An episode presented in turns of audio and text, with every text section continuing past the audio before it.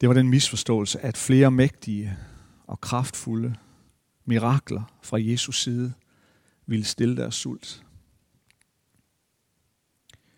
Jesus havde lige udført et helt vanvittigt mirakel, hvor han har givet mad til måske 10-15.000 mennesker ud fra en lille drengs beskedende madpakke. Men den næste dag var de der igen. Hvad kan du gøre i dag, Jesus? Giv os et nyt mirakel, Jesus. Det er lidt ligesom stå sådan en nytårsaften, og så er der en, der kommer slæbende med sådan en raketbatteri, der er købt til, med, for 800 kroner i uh, T. Hansen. Og, uh, og så sætter man ild til lunden, og så kommer den første store, flotte buket op, og vi står der, wow! Og, og allerede mens den er ved at fade ud, så kan vi godt høre, at der er en anden på vej, så glemmer vi om den første. Ej, nu skal vi se den næste. Wow, endnu smukkere. Og så glemmer vi den, fordi nej, der må komme en mere, og der må komme en mere.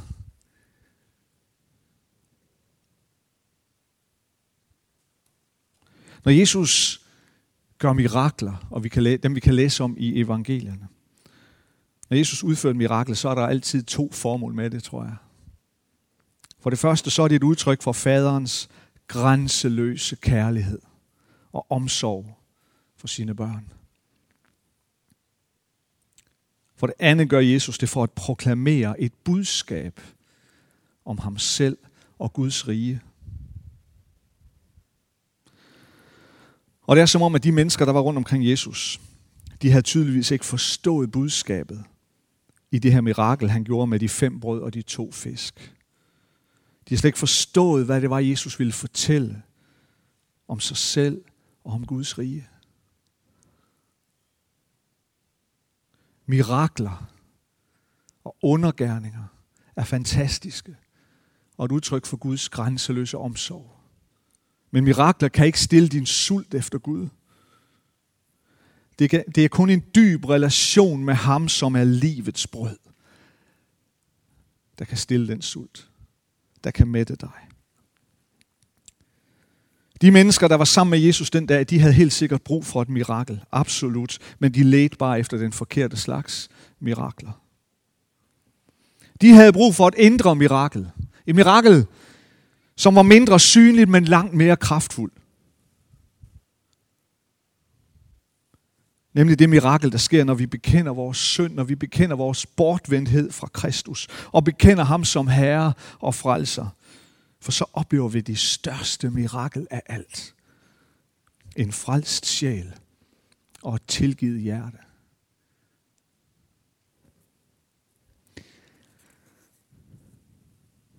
Jesus, han gav brød, han gav mad til flere tusinde mennesker på én gang. Ud af næsten ingenting. Men det ypperste formål med Jesu hænder, det var ikke, at de skulle fremstille brød. Men det gjorde de alligevel. Og det gjorde de på grund af Guds store kærlighed til sin skabning. Men det ypperste formål med Jesu hænder, det var, at der skulle bankes et søm igennem dem og navle ham til et kors. Det ypperste formål med Jesu fødder, det var ikke, at de skulle fragte ham rundt i Galilea og Judæa for at udføre mirakler og undergærninger. Det gjorde han alligevel. Det gjorde han også på grund af Guds grænseløse kærlighed til sine børn. Men det ypperste formål med Jesu fødder, det var, at de skulle fragte ham til Jerusalem og til Golgata højen, hvor han skulle navles til et kors for din og min skyld. Og kun ved at følge efter ham, kan du få stillet din sult. Og den efterfølgelse, den inviterer Jesus dig ind til. Han inviterer dig til at følge ham på den vej. Han inviterer dig ind i det fællesskab. Og Paulus han beskriver det fællesskab på den måde. Lige så tog han også bæret efter måltidet og sagde, dette bæger er den nye pagt ved mit blod. Gør dette hver gang I drikker det, til i hukommelse af mig. For hver gang I spiser dette brød og drikker bæret, så forkynder I Herrens død, indtil han kommer.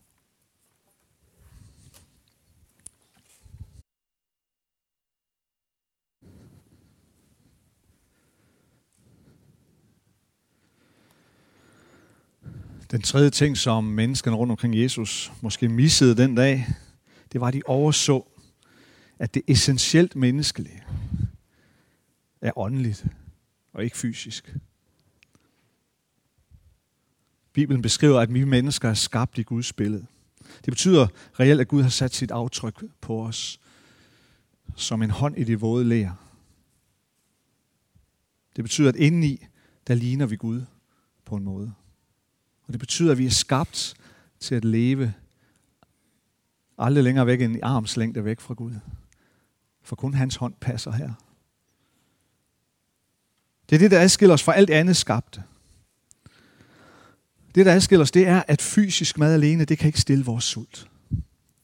Om vi så har alt mad på bordet foran os i hele verden, så vil vi stadig være sultne efter noget andet, efter noget mere. Mennesket lever ikke af brød alene, men af hvert ord, der udgår af Herrens mund, sagde Jesus til djævlen, der forsøgte at friste ham. Vi mennesker er skabt med en sult, efter at sjælen skal mættes. Og det kan kun relationen med Gud i Jesus Kristus. Al denne verdens lyksaligheder er midlertidige og vil forsvinde. Kun en relation med Jesus kan tilfredsstille vores dybeste sult. Kirkefaderen Augustin, han beskriver det på den måde, at vores hjerte er uroligt. Vi bærer alle på en uro, en længsel, en hien efter noget bedre, efter noget dybere. Og det er netop kendetegnet på, at vi er mennesker, som i vores brudhed og fremmedgjorthed ikke kan slå os til ro. Still haven't found what I'm looking for synger Bono og YouTube. Det er den uro, der i sin karikatur ligger bag det materialistisk afstumpede menneskes stadige jagt på nye forbrugsgoder og ophissende underholdninger. Vores hjertes uro, det var på en måde ved gennem hele kristenlivet, og bliver først endelig stillet. Bliver først endelig stillet, når vi som troens pilgrimme er kommet hjem til Guds evige rige. Og vejen derhen, den går gennem at få stillet vores livs dybeste sult af ham, som er livets brød. Amen. Lad os bare sidde nogle øjeblikke. Her i vores kirke, så er det vigtigt at give anledning til, til respons.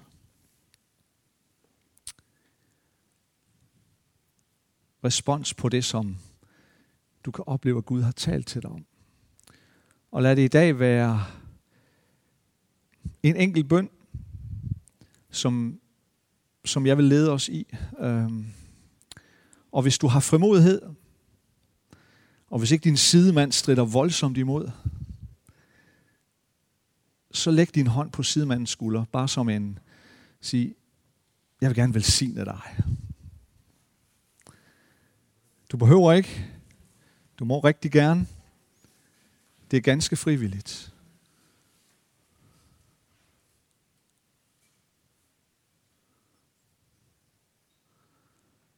Og du kan jo inden i dig selv bede med på den bøn, som jeg beder nu. Eller du kan bede din helt egen bøn. Lad os bare være stille. Jesus Kristus, du er livets brød. Vi ved, at kun du kan stille vores dybeste sult.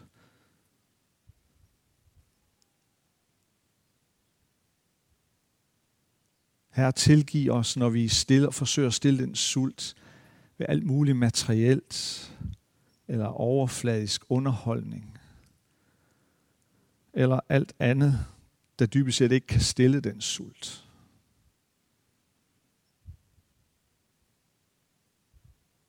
Hjælp os til at stille den sult ved noget, der virkelig stiller den. Nemlig dig.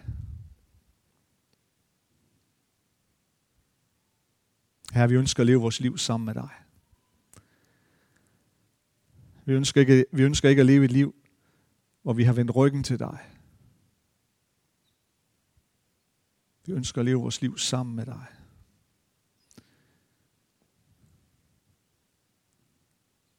Herre, vi vender os bort fra alt vores eget og alt søgen efter at stille vores sult i det forkerte. Kom du og mød os, du som er livets brød. Mæt vores sjæl.